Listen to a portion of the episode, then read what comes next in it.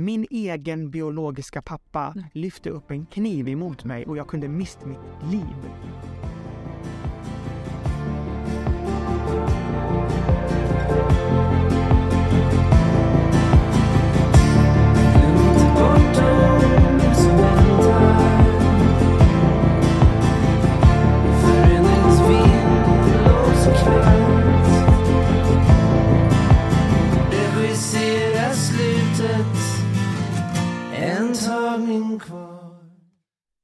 Hej Thomas och eh, varmt välkommen till Barnrättspodden.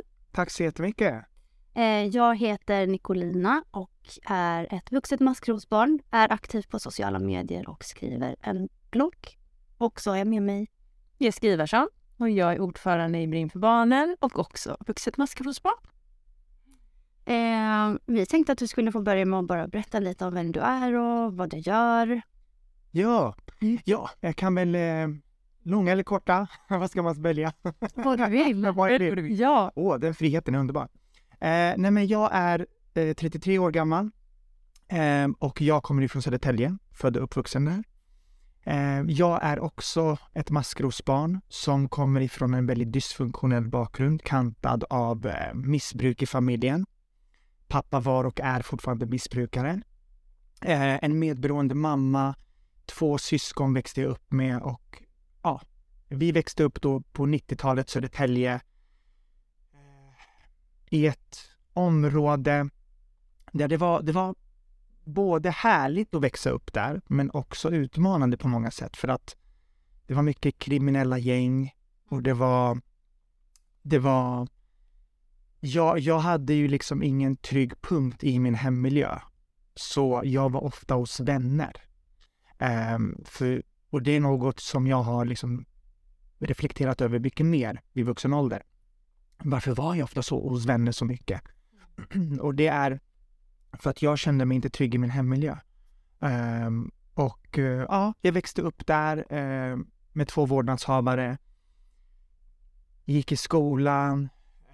Älskade att sjunga på julfester, påskfester. Ehm, de kreativa talangerna som jag hade använde jag ganska tidigt. Fick dock inte så mycket utlopp för det i hemmiljön. Men eh, för att liksom sammanfatta min barndom så skulle jag säga att den var väldigt ambivalent. Med det menar jag att jag mötte både kärlek men också väldigt mycket försummelse i min hemmiljö. Um, flertalet gånger kunde mina föräldrar lämna mig fysiskt. Uh, jag har lite olika minnen av det, dels när vi var på utomlandsresa och jag vaknade upp helt själv i hotellet och sådär. Och sen så när mamma skulle klippa mig. Ehm, för hon ville ofta klippa mig fast jag ville bli klippt av barberaren men hon tyckte att jag skulle klippa mig hemma. Eh, och när jag var missnöjd som, vad ska vi säga, 10-11-åring så blev hon sur och så lämnade hon mig helt själv i badkaret och där började jag också forma överlevnadsstrategier för att klara mig liksom. Ställde mig uh, uppe på badkaret för att kunna ta tag i dusch duschgrejen så att jag kan duscha och jag började liksom forma många överlevnadsstrategier. Till exempel, jag växte upp med en pappa som var väldigt, eh, alltså han var ju väldigt arg och aggressiv. Och det gjorde att jag ofta spenderade mycket tid i mitt eget rum. Eh, han klagade och, och på allting och det kändes som att jag inte riktigt dög. Flertalet tillfällen kunde jag som liten känna så här, är jag verkligen född in i rätt familj? Och sen som vuxen har jag ju då känt att oj, de förtjänade verkligen inte mig. För att jag brukar säga att det är inte föräldrar som har rätt till, till barn, utan det är barn som har rätt till en trygg uppväxt. Och eh, jag fick inte den trygga uppväxten, så att jag blev då ett maskrosbarn. Och jag älskar det man brukar säga om maskrosbarn, eh, att vi växer upp ur asfalten, Mm. trots de eh, bristande förutsättningarna som vi har fått. Det var min uppväxtmiljö och jag, eh, jag var ofta mobbad på grund av att jag gillade att sjunga. Jag hade kreativa sidor som, in, som inte föll fint under machokulturen och eh, ja, med det heteronormativa samhälle som vi levde i då och fortfarande lever i. Eh, men det som var utmanande för mig var också att pappa drack väldigt mycket, var en missbrukare, men i hemma när det var jul och påsk och olika högtider, då var det bara att sätta på finkläderna och så kom släkten och så skulle vi låtsas som att allt var okej. Det var det jag tänkte fråga lite grann. Alltså, syntes det utåt sett att du hade, eh, att du liksom var utsatt i hemmet eller syntes, var det någon som såg det utanför? Det är, det är en sån jättebra fråga du ställer, för grejen är så här att när det har normaliserats hos en släkt eller hos liksom en, en grupp av individer, då det som de bör reagera på slutar de att reagera på till slut, för att det är så normaliserat. Och jag tror att alla runt vår familj, alltså kulturellt, eh, jag, mötte, jag mötte ju väldigt mycket hederskultur också. Ehm, och tystnadskultur. Vilket gör att det kan ha funnits släktingar som bara oj, oj vad han skriker på sin son här, oj vad stackars lilla Thomas. Men det, det var ingen som gjorde något, det var ingen som sa något. För att de har väl blivit lärda att det finns liksom ett patriarkat, att, att männen ska ha åsikter och de ska liksom de ska, de får skrika på sina barn och den här barnsynen av att barn ska lyda och vuxna ska se till vad du ska göra. Ehm, så att jag tror att det kan absolut ha funnits någon som har sett det men valt att inte reagera. Men inte förskola eller skola eller någonting? Nej, nej. Jag som själv jobbar som förskollärare idag har gjort mängder med orosanmälningar. Men jag hade önskat att någon hade gjort det när jag var liten. Och det var ingen som gjorde det. Men vad, tror du då att det inte fanns kunskap att fånga upp dig? Tror du att de visste vad som pågick? Vågade du någonsin liksom säga något? Eller? Vi snackade om förskolan i, på 90-talet, alltså tidigt 90-tal och då tror jag att det fanns ingen riktigt bra samverkan med hemmiljön. Det var bara så, okej, nu är det några föräldrar här som lämnar och hämtar barnet, okej. Härligt och, och... Det var inte mer än så. Jag tror inte, för min, min biträdande rektor, hon är så grym på det här med att liksom ha en tidig samverkan med hemmiljön. Ringa om inte barnen har kommit till förskolan på några dagar för att bara säkerställa att allt är okej. Ehm, men det var ingen riktigt som, som, som hade den kontakten med mina vårdnadshavare och, den in, och då får man ingen insyn heller. Och ni gör det? Ja, Ja, det är ju fantastiskt. ja. Men, men jag kan säga så här också, med tanke på att det är så mycket som händer. Det är, så- det är så mycket krav som ställs på pedagoger i allmänhet, Mm. både förskollärare och barnskötare. Så att visst har vi tillfällen då det kan gå en vecka och vi bara, ah, nej, det här barnet har inte varit här. Så att eh, ibland brister man i det. Det ska jag vara ärlig med att säga och jag tror många kan skriva under på det. Men eh, det bör finnas en liksom, för läroplanen för förskolan belyser för att det ska finnas en samverkan mellan hemmet och förskolan. Så det, är- det är ju vårt styrdokument vi ska följa. Men där finns det mycket att göra. Otroligt. Ja, men jag har ju ändå tre barn och haft eh, hemma barn eh, mer än eh, några dagar. Liksom. Alltså, det var ju, det kan ju vara två veckor, tre veckor. Mm. Det är ingen som hör av sig. Nej, när du ser. Och det är det som Jag har till och med tänkt på det. Varför Ja. är ingen och kollar? Alltså jag hade ju bara uppskattat, och gud vad fint de tänker på mitt barn. Ja, det är klart. Och det är det som är problematiskt med förskolan. Den är inte likvärdig överallt i Sverige. Och det är också en, en utmaning för att det bör vara så. Jag, jag, jag delar också din frustration med dig att jag önskar också att fler pedagoger faktiskt hör av sig till vårdnadshavare. Gärna en extra gång, bara för att säkerställa. Liksom. Hej, okej, din son är sjuk. Okej, ja men tack, då vet vi det. Ville bara kolla läget lite. Bara en sån liten enkel, liksom, ett enkelt samtal. Men eh, det var ingen som gjorde det och då fick de inte heller någon insyn. Och sen, något som jag har grubblat över är, hade någon av mina, mina pedagoger någon slags oro? Och hur såg det ut med anmälningsplikten då?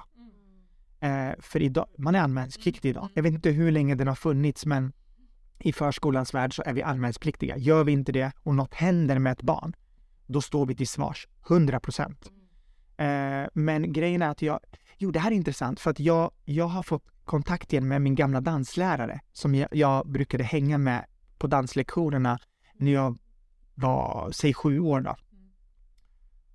Och hon sa, vet du vad Thomas, jag har kollat på poddarna som du varit med i och jag har hört dig berätta om din historia.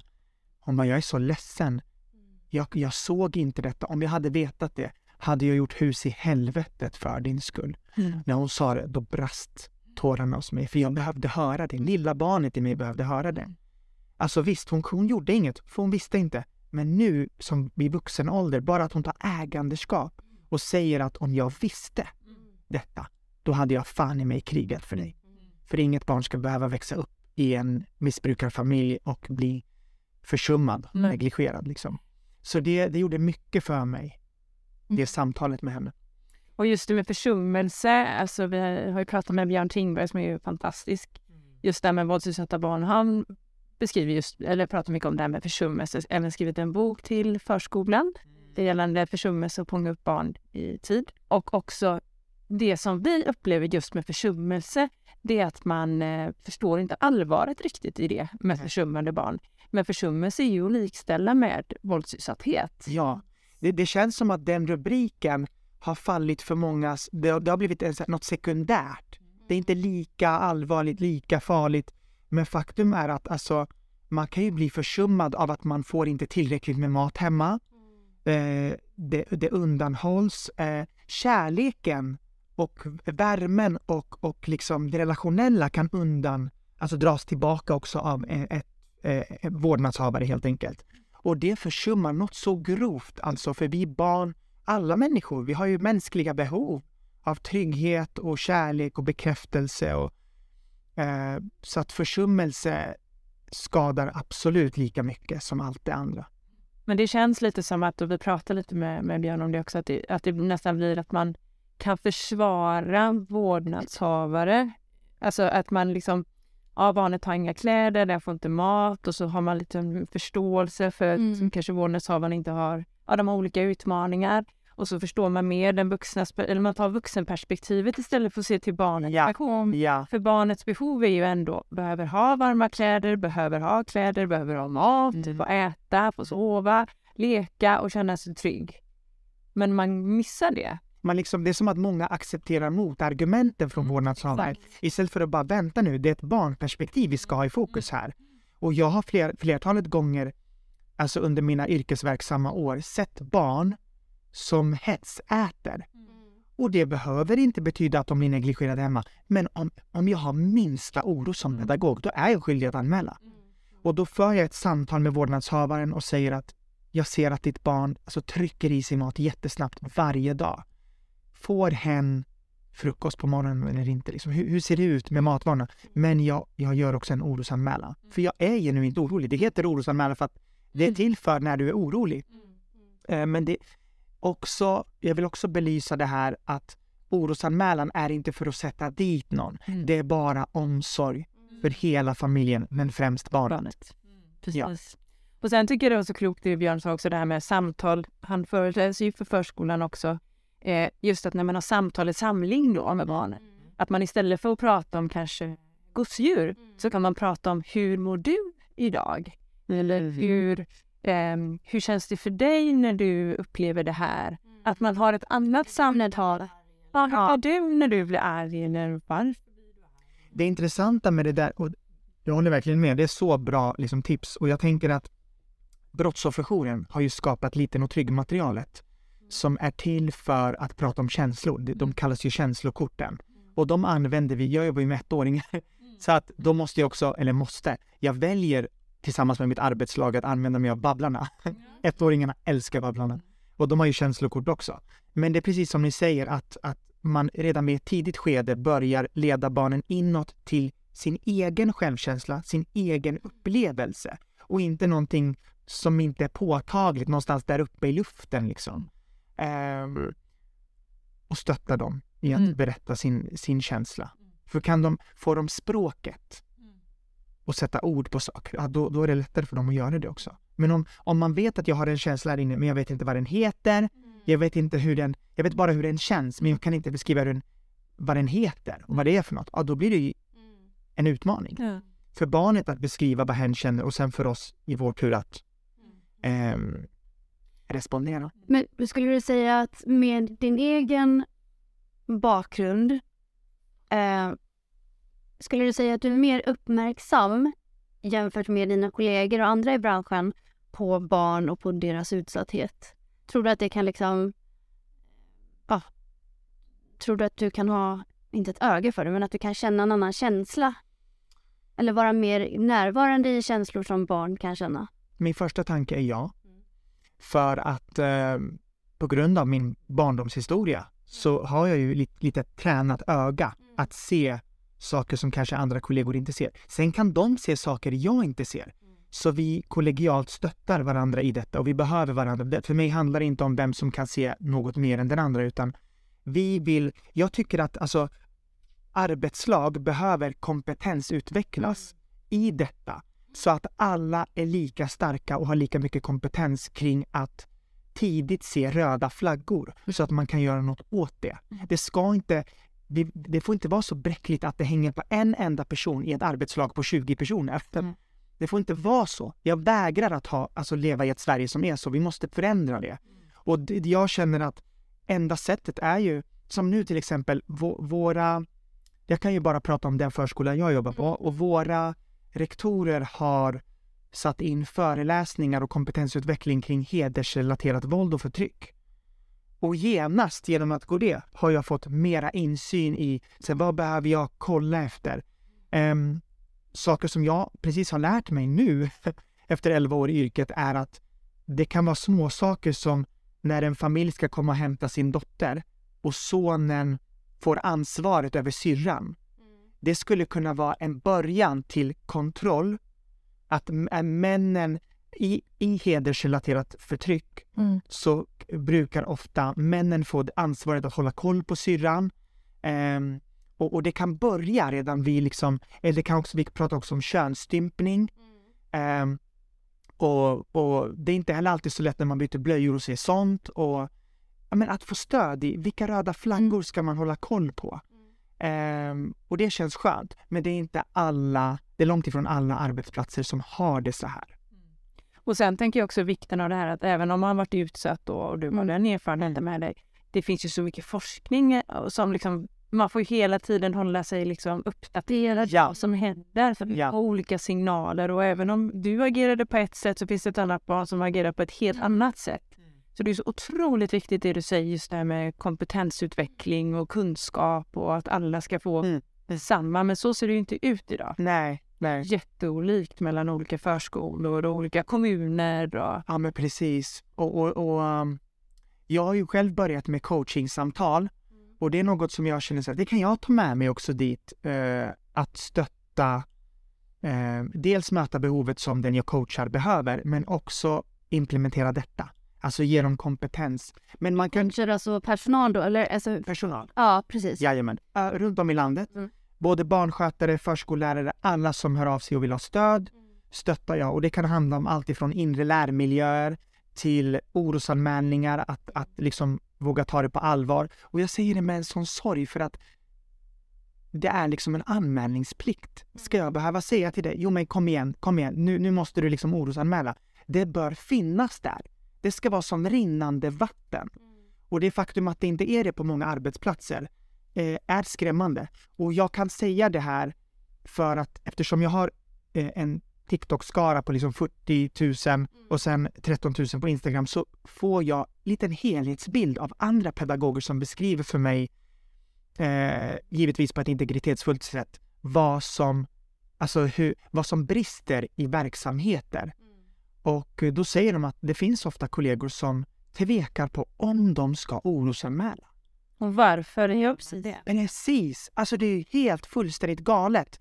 Men varför tror du att man inte gör en orosanmälan i förskolan? Alltså är det att man är rädd för att hamna i konflikt med föräldrar? Är det för att man är rädd för att man misstolkar barnet? Eller vad tror du det är som gör att man inte gör det? Vet du Nicolina, det är en väldigt komplex fråga och Mm. jag tror att man kan tackla den från olika sätt. Jag tror att dels finns det, precis som du säger, konflikträdsla. Det har jag, det har jag till och med sett att pedagoger har skrivit till mig. Vi, eh, min kollega är, eller jag är rädd för, jag vill inte hamna i kläm med vårdnadshavare. Och då känner jag så här, men är det verkligen värt det? Om något händer det barnet, kommer du kunna förlåta dig själv? Alltså, du, alltså enligt lagen är du anmälningspliktig, men det finns en konflikträdsla och hos oss har våran rektor sagt att så här, tycker ni att de kommer de dagen efter och skriker på er vid ytterdörren, vilket har hänt mig flera gånger, då leder ni bara dem till mig så tar jag samtalen, sa hon. Och eh, är de i väldigt stor affekt, ja då har jag försökt hitta sätt att bara haka på mig, kom vi tar en kaffe så pratar vi. Mm. Och då lugnar de ner sig och då förstår de när de får information att oj det här är din plikt, okej då förstår jag. Men, jag, men just det som, för jag pratade med förskollärare tidigare också, liksom just om det här med, med orosanmälningar. Och, och också det man får höra är ju att vi orosanmäler och orosanmäler men det händer ju ingenting. Precis. Så vi orkar inte göra det längre. Och då Ja. blir ju jag jättetagen för jag känner så här att ni ska orosanmäla. Precis. Fortsätt. Man kan inte skylla på något annat. Även om det, och det, och det är så, på kommunpolitisk nivå och liksom från socialtjänsten så kan man ibland känna, men gud, nu tog ni barnet ifrån liksom eh, familjen, biologiska familjen, sen kom de tillbaka till familjen sex månader senare. Varför? Och där har vi ju sekretess eh, som en del tycker ska bli bruten för att vi som pedagoger vill ju veta hur går det med barnet? Men vi får inte veta någonting. Så sekretessen hämmar ju liksom, för är inte tanken, undrar jag, säger jag här rakt ut bara, är inte tanken att vi alla ska samarbeta för barnets bästa? Varför ska man undanhålla samarbetet mellan varandras, mellan olika parter? Vi borde ju armkroka, inte ha någon sekretess som liksom stoppar oss från att tillsammans stötta barnet. Så där har vi en problem, ett problem. Men det är dels konflikträdsla. Sen som du nämnde Jessica så är det ju eh, att man känner uppgivenhet, frustration över att socialtjänsten och socialtjänsten känner också en frustration, en uppgivenhet. Så, eh, och att, att söka syndabockar, ja, det, inte, det går inte heller. Alltså, någonstans vill man vara lösningsfokuserad. Mm. Men det är en jätteproblematisk fråga. Men precis som du sa, du sa det jättebra, det är fortfarande vår plikt. Och vi måste anmäla. Mm. Så är det bara. Eh, jag har varit med om, jag kan inte beskriva liksom specifika saker jag hört, för jag har också en sekretess gentemot eh, min eh, arbetsplats och barnen. Men eh, när jag hör någonting som är väldigt oroande, alltså sekunden jag hör det, då, då frågar jag direkt barnet, okej, vad händer då? Mm. Vad händer sen? Alltså väldigt öppna frågor så att jag får mer och mer information. Vad kände du då? Vad hände sen? Eh, och sen så skriver jag ner det och eh, dokumenterar det och ger det vidare till min biträdande rektor som i sin tur cyklar hela vägen till socialtjänsten. För att det kan hända att det skulle kunna hamna i skräpposten och det vill man inte. Så hon tar det fysiskt till...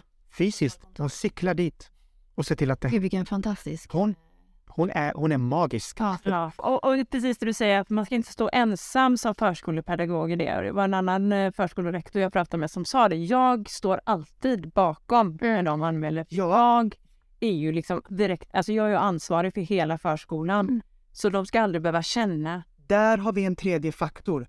Det finns pedagoger som anmäler, men rektorn tar inte det vid, alltså ledningen, det stannar där. Och det är också en utmaning. Så får det inte vara. Och det måste vi liksom sluta upp med nu. Alltså, eh, ledningar och rektorer runt om i landet måste ta sin uppgift på större allvar.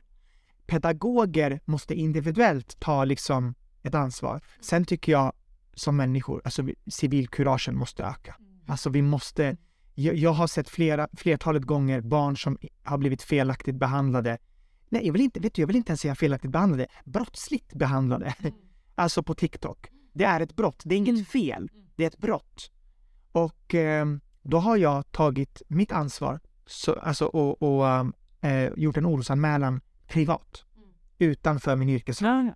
För det, det måste vi, det måste vi också. Och, och det tror jag också är viktigt att vi pratar om. Vi kan prata om det nu eftersom du tar upp det. Just att Mm. bara du har en misstanke, du behöver inte ens se att ett barn far illa. Bara du har en misstanke så kan du som privatperson... Du behöver det- bevisbörda. Ja, som privat. Det är ingen bevisbörda. Du orosanmäla Ja, och du kan göra det anonymt. precis. Du kan göra det anonymt. Exakt. Så hellre en orosanmälan för mycket Ja. än en för lite. Absolut. Ja. Mm. För vi svenskar tror jag är ganska duktiga på att inte lägga oss i. Ja, stoppa huvudet i sanden lite grann. Eh, tyvärr. Jag tänkte på, bara för att gå tillbaka lite till din egen barndom och, och vad du har gått igenom. Ehm, hur har... Hur skulle du säga att din barndom har format dig som vuxen? Liksom? Och vilken... Har du fått någon hjälp eller har du tagit dig igenom det på egen hand eller? Jättebra fråga. Ja. Min barndom har påverkat mig på alla möjliga sätt som inte ens jag hinner beskriva på en, i ett poddavsnitt. Det är så mycket bagage jag fick på grund av två vårdnadshavare som inte skötte sitt bagage. Så fick jag deras bagage plus mitt eget.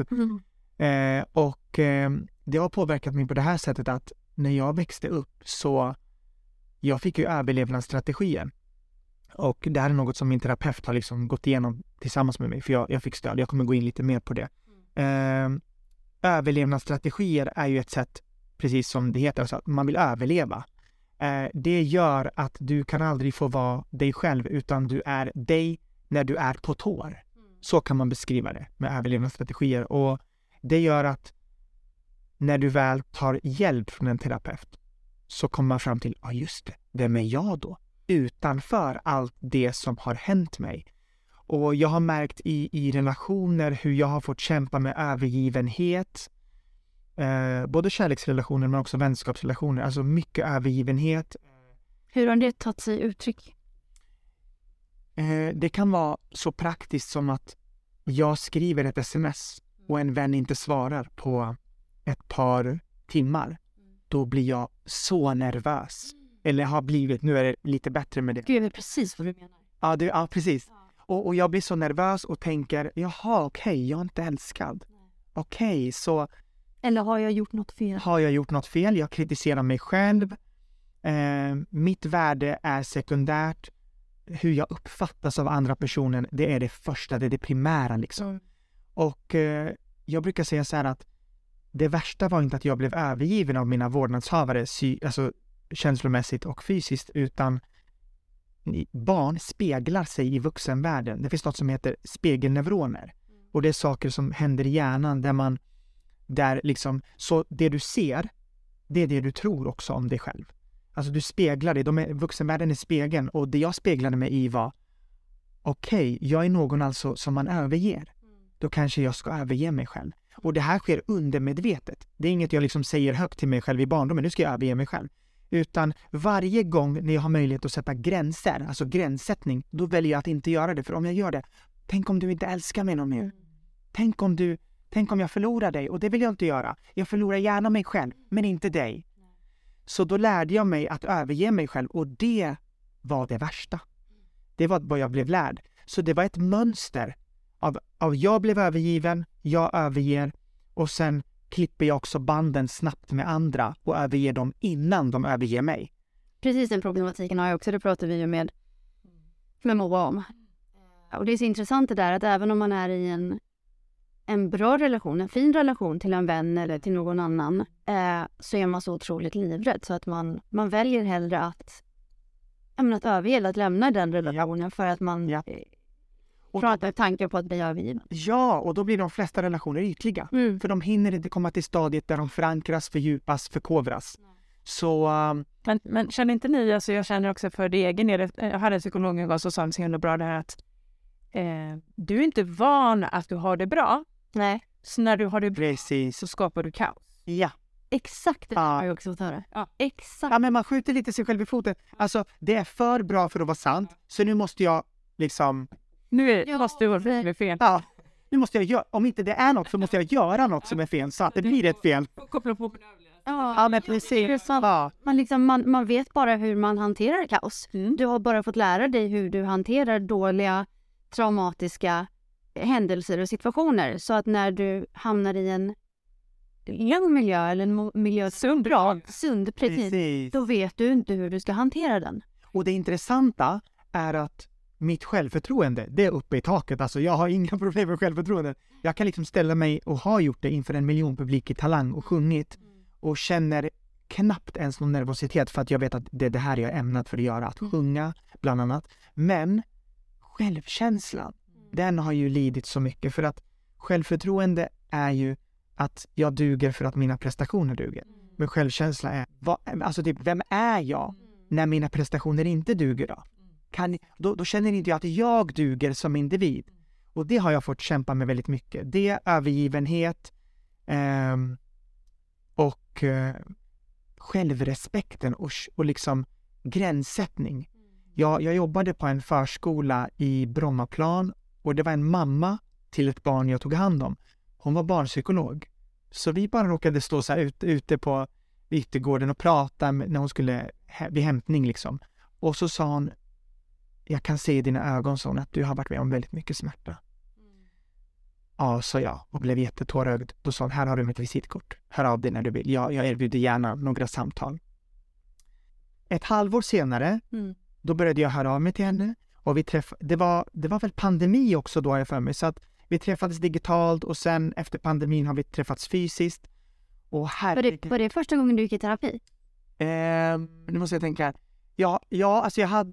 Nej, det är det inte. För jag hade en kurator mm. i skolan och sen har jag gått i terapi eh, i några månader för flera år sedan. Mm. Men jag kände inte att det gav mig någonting. Nej. Och jag var inte på rätt plats i livet. Alltså jag kunde inte ta ägandeskap, jag kunde inte acceptera, jag kunde inte sitta i känslorna. Mm. Eh, och hon och jag jobbade väldigt mycket med, dels, dels mediterade vi.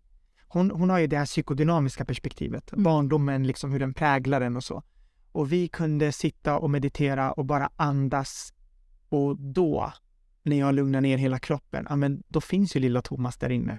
Som bara, oj, nu vill jag gråta. Alla tårar jag inte har gråtit på liksom 33 jävla år. Så nu är det dags. Och då kommer det som en flod. Och eh, det är ett verktyg jag har fått, så om jag liksom, om något händer, inte vet jag, vid kyl och frysavdelningen i Coop eller om jag blir ledsen över ett sms och jag är hos barberaren, vad den är. Jag har börjat ge mig ett tillåtande klimat att gråta och det är så stort. Det är så stort att komma till den punkten. Att jag, hon pratar mycket om reparenting, att bli sin egen förälder till det här lilla barnet, eh, som den föräldern man aldrig fick. Eh, och att acceptera att mina föräldrar kanske aldrig kommer att vara det jag önskar att de hade varit och kanske aldrig, aldrig, de kanske aldrig ger mig det jag hade önskat få. Men, eh, ja. Har du någon kontakt med din familj idag? Nej. Eh, 2019, då var jag med om en händelse som skakade om hela mitt liv. Jag, var, jag bodde fortfarande hemma. Jag var ekonomiskt beroende av mina föräldrar, hade inget jobb som var välbetalt och eh, jag, eh, det var en kväll och pappa, mamma var hemma, min syster och hennes två barn och min bror, min brors barn var också där. Så fyra barn och jag satt i, vardags, nej, i, i köket och tittade på Melodifestivalen, käkade chips och njöt och hade det mysigt. Och sen var det kväll och min syrra skriker på sitt barn att ta på dig jackan, nu ska vi gå hem liksom, nu är det kväll. Och min syster har också väldigt mycket obearbetat och är väldigt aggressiv och har fått det eh, från den hemmiljö hon är uppvuxen i. Och min systers dotter då vill inte resa sig upp. Hon trivdes där med oss andra. Min pappa hade inte ens druckit någonting den kvällen. Kommer, alltså rör sig till papperskorgen, kastar någonting, vänder sig om och börjar skrika på den här nioåriga flickan, min systers dotter då. När vi säger åt dig att ta på dig jackan, då fan ska du ta på dig jackan. Och hon blir ju livrädd. Och framför mig så går det en film en filmrulle av alla tillfällen pappa skrek på mig och ingen tog mitt parti. Och jag tänkte nu jävlar, nu ska jag ta hennes parti. Någon måste göra det. Hon får inte växa upp som mig och känna att tystnadskulturen var värre än själva utövaren.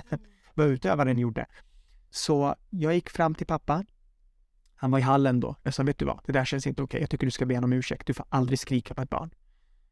Och i, min, i vår kultur så säger man inte åt pappa det är liksom, nej det, det, var, det är så grovt, det är så, enligt, enligt kul, den kulturella aspekten så är det väldigt respektlöst. Mm. Och det finns i många kulturer, inte bara bland syrianer. Men eh, han blev arg, så han tog tag i min tröja och började liksom slå mig och jag skyddade mig själv. Och han hamnade på golvet, reste sig upp igen och vi hamnade till slut i vardagsrummet och där fanns det en fruktkniv i frukten. Han tar upp den och är på väg att hugga mig. Ser den här flickan allt det här också? Nej, hon är kvar i köket. Men hon hör Men hon hör allt. Jajamän, de, de, de, de, Vad sa resten av familjen? För ni var ju ganska många. Ja, det här, det här är intressant, eh, Nicolina, för att eh, mamma skriker nej! Tar kniven från hans hand för att han darrar. För jag tror inte han, jag tror inte han själv fattar vad han liksom håller på med. Och eh, han var på väg att hugga mig, men gör inte det. Hon, hon tar liksom kniven ifrån honom. Eh, jag fortsätter att liksom skrika tillbaka, han skriker. Jag, det är som att jag får en liten tanke, skit i honom, gå till barnen, de är det viktigaste. Så jag går till, jag ser att de är i mammas och pappas sovrum och har gömt sig under täcket. De är så rädda, alla fyra barn.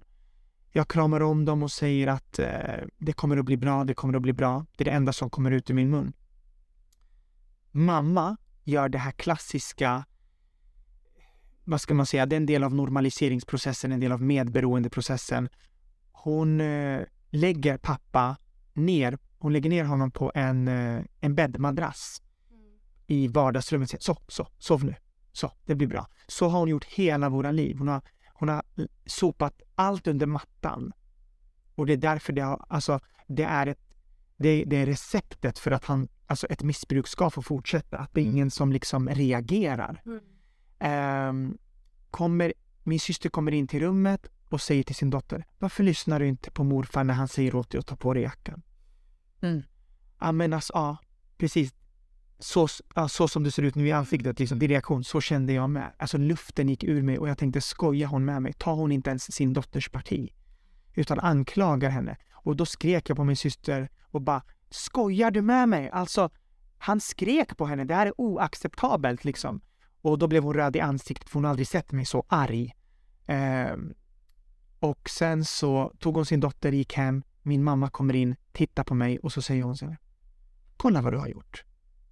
Kolla, kolla vad du har gjort. Så mamma skuldbelägger mig, jag blir svarta fåret för att det som hon har försökt lägga locket på i alla år är det, det jag liksom går emot. Jag går liksom motströms, vilket ingen Alltså min pappa hade, jag hade hört att min pappa hade kastat en tv-apparat i min systers öga och mamma var, var på väg att gå till tingsrätten. Det här var innan jag ens var född. Men farmor sa, nej gör inte det, vad ska folk säga, vad ska, liksom ryktesspridning och sådär. Så mamma drog tillbaka det. Och sen har de bara mötts av en hederskultur, en tystnadskultur. Och vi har också vuxit upp i det. Så jag har slutat anklaga mig för min tystnad för att det är inte konstigt. Är man uppvuxen i det där så blir man ju en del av det tills man får insikt själv. Eh, och ehm, Men jag tänker också hur viktigt det var att du ställer upp parti. jätteviktigt. För det kommer hon ha med sig och kanske hon vågar stå upp för sig själv, förstår du? Hoppas det. För just det här med liksom att vuxna bara ser på Mm. när barn utsätts. Alltså det är ju dubbla sveket. Det är det, det är det. Och jag hoppas att hon liksom någon gång liksom ska, alltså att hon fortsättningsvis ska tänka på vad jag gjorde för henne. Och jag gjorde det också för mig själv, alltså ett statement. Mm. Och eh, sen så, min brorsa var ute, jag smsade honom bara kom, barnen, dina döttrar liksom behöver dig. Och ena dottern, den yngsta dottern, hon ville spy. Så jag tog med henne till toa, hon hukade sig där och hon mådde jätteilla. Det är klart, för att hela, allt hon hörde, allt hon såg i hemmet och ehm, och eh, det var ingen som polisanmälde, det var ingen som gjorde, inte jag heller. Jag var ju så, jag var i chock. Min egen biologiska pappa Mm. lyfte upp en kniv emot mig och jag kunde mist mitt liv. Så det var en chock för mig, så jag vaknade nästan, vi sov, min brorsa Du gick och la dig liksom, i hemmet. Ja, med dem. ja, men jag låste min dörr. Och min bror hade hunnit komma så han, Kände du dig tryggare med din bror? nej, nej det gjorde jag inte. Eh, Han, ha- jag sov i mitt eget sovrum liksom och låste dörren. Ja, Och jag hade mardrömmar. Och jag brukar nästan, jag brukar nästan aldrig ha mardrömmar. Och jag hade det den natten. Vaknade nästa morgon. Min brorsa vaknade, döttrarna vaknade och så åker de tillbaka till, eh, ja, till sitt hem i Örebro. Och eh, jag sa till min mamma, min pappa satt i vardagsrummet.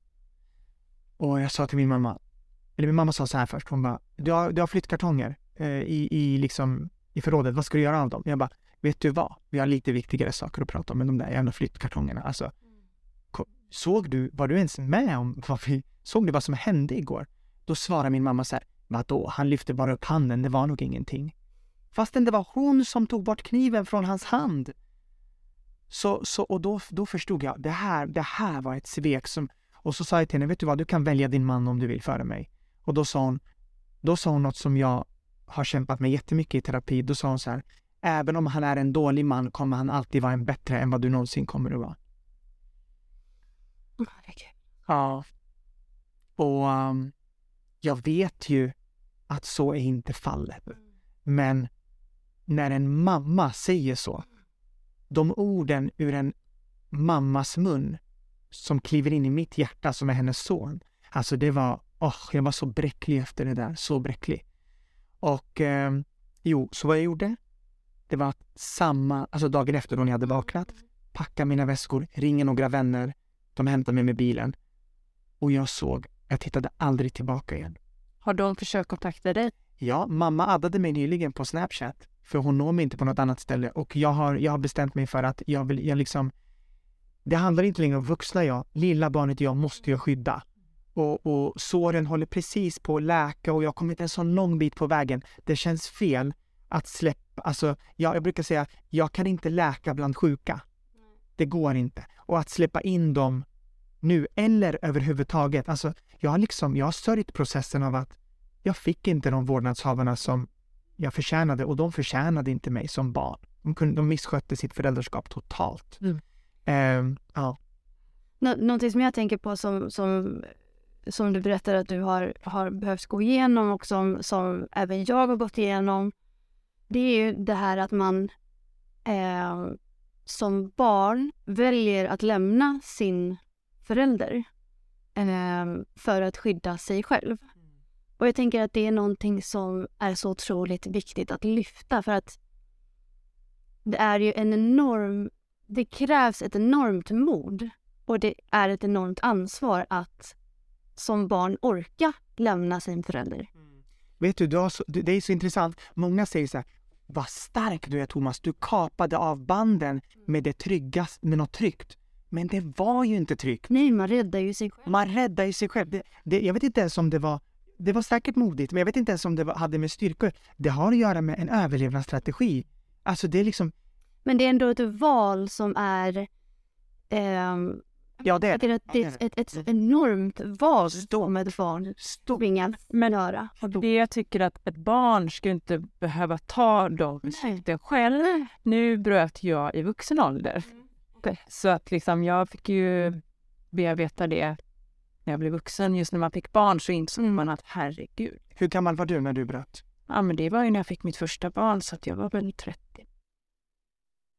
Mm. Eh, och, men, men, saken är den också att det var inte först förrän jag fick egna barn som jag insåg att hur de hade behandlat mig. Mm. Även fast man visste att allt var dåligt sådär, men också insåg man hur ens mamma hade behandlat en. Mm. Och det sjuka är det. Och också att det bara fortsatte och fortsatte och fortsatte. Men, men det jag menar är bara att ett barn ska behöva ta det beslutet och därför är det så viktigt att man har vuxna runt omkring sig. Mm. Och om det inte finns i det biologiska nätverket någon som kan fånga upp en så är ju förskola mm. otroligt viktigt för barnen. Varje dag, nu är det tyvärr så inte att liksom, förskola är inte obligatoriskt så alla barn går ju tyvärr inte dit. Eh, men också socialtjänst och skola, att det liksom måste finnas andra vuxna som kan se det sunt, alltså när är det sunt för ett barn? Mm. Att faktiskt bryta med sina föräldrar. Mm. Vad intressant, för jag var 29 när jag släppte. Ja. ja. Eh, någonstans där 29 år. Men jag tänker just där att, att, att man som barn ändå lämnar, alltså att även om man är vuxen så är man ju ett barn till sin förälder. Men, ja. Alltså just själva relation, att det är relationen man bryter. Och det, det, är en enorm sörjeprocess. Ja. För, att, för att visst, det var, det, eller lätt var det inte att kapa, men det var av allt jag gjorde var det det lättaste. Först kapa, men sen kommer ju den tuffare biten att bearbeta. Sörja över, över allt det som min barndom aldrig var. Mm. Men eh, sen kom jag efter ett tag i terapin så kom jag in i en process som var, den, den, var, den smakade så gott, i, alltså på insidan. När jag kom till en plats där jag fick en sån självrespekt och självkärlek. Alltså jag kan inte förklara med ord hur det känns. Mm. Alltså att, att jag trivs i mitt sällskap. Från att ha kommit i en barn, alltså från en barndom där man inte, man liksom, man, man motarbetade mig som barn. Man liksom, man, man var, det var, kändes som att man var emot mig hela tiden. Och att jag, var inte, att jag inte var älskvärd till att komma till en punkt där, fan jag älskar att vara med mig. Ta en kopp te en lördag och kolla på en serie och njuta i mitt sällskap och skratta själv. Jag behöver inte vänner för att skratta, jag kan skratta själv. Sen skrattar jag med vänner också. Men det är en, ett, en stor resa. Och jag tror inte många vet om det som kanske ser mig i offentliga rummet och bara Wow, vad grym man är på att sjunga. Ja, ja, men du ska bara veta vad jag har varit med om liksom. Jag har liksom en, en story som jag tror är större och viktigare än bara mina talanger. Eh, och ja, det, det, det är häftigt att komma till en punkt där man liksom älskar sig själv. För det, Ja. Jag tycker det är så tragiskt bara sådär liksom att, alltså Många säger så ja men eh, utifrån det man har varit med om, att man har blivit starkare och man har sånt driv och så där. Jo men ett barn ska aldrig behöva... Så hade jag fått välja så det är klart jag hade haft en bra barndom, goda föräldrar. För det är klart att det fortfarande kan vara en sorg. Jag har inga föräldrar som jag kan vända mig till om jag är ledsen eller som Åh, liksom se mina barn på det sättet liksom som, ja sådär. Så det är klart det kan fortfarande vara en sorg. Inte att jag saknar dem, jag saknar föräldrar. Eller, eller, eller trygga vuxna. Ja, det behöver inte ens vara föräldrar. Ja. Jag saknar en trygg vuxen då, som jag kan dela saker med. eh, Som har sett mig som barn. Men, men det är så tragiskt tycker jag. Liksom alla maskrosbarn man pratar med. Också det här att, eller en själv också, att herregud vad mycket lidande och tid och resurser och allt möjligt man har lagt på för att läka sig själv. Och nu är vi maskrosbarn som har klarat oss, men tänk alla de som inte har klarat sig. Och som själva lever i någon form av liksom, ja, missbruk eller våldsutsätter sina barn. Så att- Och, och just det att fånga upp barnen i tid. Liksom. Mm. Det är därför jag tycker just att förskola är, och socialtjänst, BVC, MVC, alltså det är så otroligt Ja. viktiga liksom, funktioner som verkligen är så viktigt att de har kunskapen, mod eh, och resurser. Det är så intressant för det får mig att tänka på eh, min första terapilektion med den här eh, terapeuten och då sa, då sa hon, vad känner du liksom kring det du har varit med om i barndomen? Då sa jag så här, det har gjort mig starkare. Och då, tänk, och då ja, nu i efterhand bara, hon måste ha tänkt så här, ja, ja, ja, ja, ja. Nu ska vi gå in, nu ska vi djupdyka lite här. Och då sa hon till mig, ett av de första sakerna hon sa var, vet du vad Thomas? Det är inte trauman som gör en stark när du bearbetar trauman, det kan göra dig så empowered och stark. Men trauman kallas trauman för att de skapar trauman. Och du ska inte, du ska inte behöva dem för att bli stark. Det finns massa andra konstruktiva, konstruktivare sätt att bli stark på i livet än att liksom vara med om trauman. Så um, ja, jag tänker också lite på det du sa då Jessica, att, att man ska inte behöva gå, vara med om detta. Eh, Och jag har fått ett bagage som jag egentligen inte hade haft om nu ett par saker i livet var stabila. Till exempel att mina föräldrar hade skött missbruket och jobbat med hederskulturen och tagit stöd och hjälp. Och också att omgivningen hade reagerat. Det hade gjort jättemycket. På tal om det här med att omgivningen ska reagera och som du också var inne på Jessica med, med hur viktig förskolan är. Mm. Jag tänker att något som jag många gånger har belyst och som jag tänker otroligt mycket på med mina egna barn är vad vi föräldrar kan göra med våra barns vänner och hur vi kan eh, men så här, ha ett vakande öga över dem. Eh, jag försöker alltid att liksom fråga min femåring om hans vänner eller om någonting har hänt eller om någon har varit ledsen. Jag försöker att liksom hålla lite koll på förskolan för att se om jag kan se någonting som sticker ut. Har du upplevt, nu jobbar du ju med ettåringar, men har du upplevt i några av de andra miljöerna att föräldrar faktiskt kommer och kanske uttrycker en oro eller, eller har koll på, ja, för ett annat barn än bara sina egna? Kan du känna att det liksom, att föräldrar har den kollen eller är medvetna om Eh, Ja, precis. Jag har jobbat med alltså, femåringar och neråt. Eh, så både ålders, homogent och åldersblandat och så vidare. Mm. Men eh, ofta så möter jag givetvis då vårdnadshavare som bara har fokus på sitt eget barn. Det, det kan bli väldigt snävt. Eller på ett sätt, det är normalt, man bryr sig om sitt eget barn. Mm. Men jag hade önskat att man också hade tittat lite utåt. Lite det här du lyfter upp nu. Eh, på TikTok har jag upplevt det och lite i, i, i DMs kan jag få. Du, jag måste bara bolla med dig Thomas. Eh, jag har en granne. Vi har varit jättegoda vänner sedan tidigare, men nu ser jag lite så här röda flaggor. Är det något jag bör... Så, här, så de kan bolla, men det är väl det är ytterst få. Mm. Det är ytterst få. De flesta, de flesta tänker bara, här är jag, här är mitt barn, här är våran sfär. Men allas barn är våra barn. Eh, så otroligt eh, tydligt vad budskapet har varit med alla som vi pratar med, inklusive dig, att så här, våga vara obekväm, vara modig, ta barnperspektivet, liksom, sätt det i första rum. Det är så otroligt tydligt att det är, eh, att det, är det vi brister i. Att det är så lätt för oss att gå in i vuxenperspektivet Ja, och få förståelse för föräldrars oförmåga Mm. istället för att tänka på vad är barnets behov. Precis. Precis så. Men vad ska du se för förändringar där, Thomas? För att eh, stärka utsatta barn? Olika förändringar på olika nivåer. Dels är det så här civilkuragen som vi precis har pratat om. Den måste höjas alltså. Men sprider vi det? För det är så viktigt. Jag, jag tänker information, information. Mm, mm. Dels genom den här podden som ni har. Men sen också något som jag kan sakna, så handen på hjärtat, det är att det finns ju olika organisationer, men det finns inget samarbete mellan organisationerna. Och ska vi liksom tackla den här utmanande frågan så måste vi armkroka. Alla kan inte göra en liten grej lite i sitt eget hörn någonstans, utan vi måste samarbeta. Det finns mycket på kommunpolitisk nivå. Eh, det finns mycket att göra dels som pedagoger i förskolan. Ehm, att, att få kompetensutveckling. Men sen kan man få hur mycket kompetensutveckling som helst, men någonstans måste man börja agera. I, alltså, man kan inte vänta på att man har gått fyra kurser på hur man ska bemöta liksom, ett barn som har det tufft för att man faktiskt ska börja agera.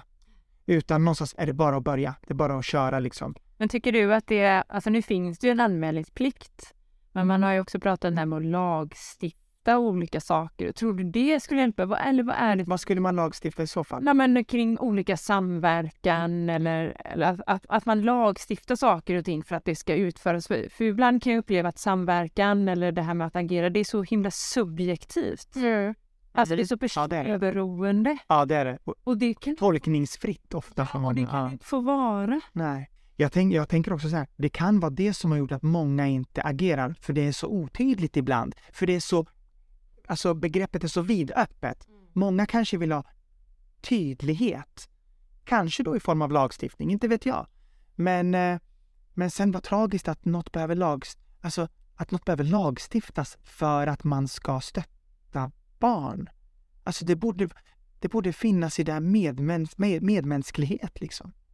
Det borde falla naturligt, men det gör inte det. Alla behöver dra sitt strå till stacken. Ehm, men också samarbeta tillsammans.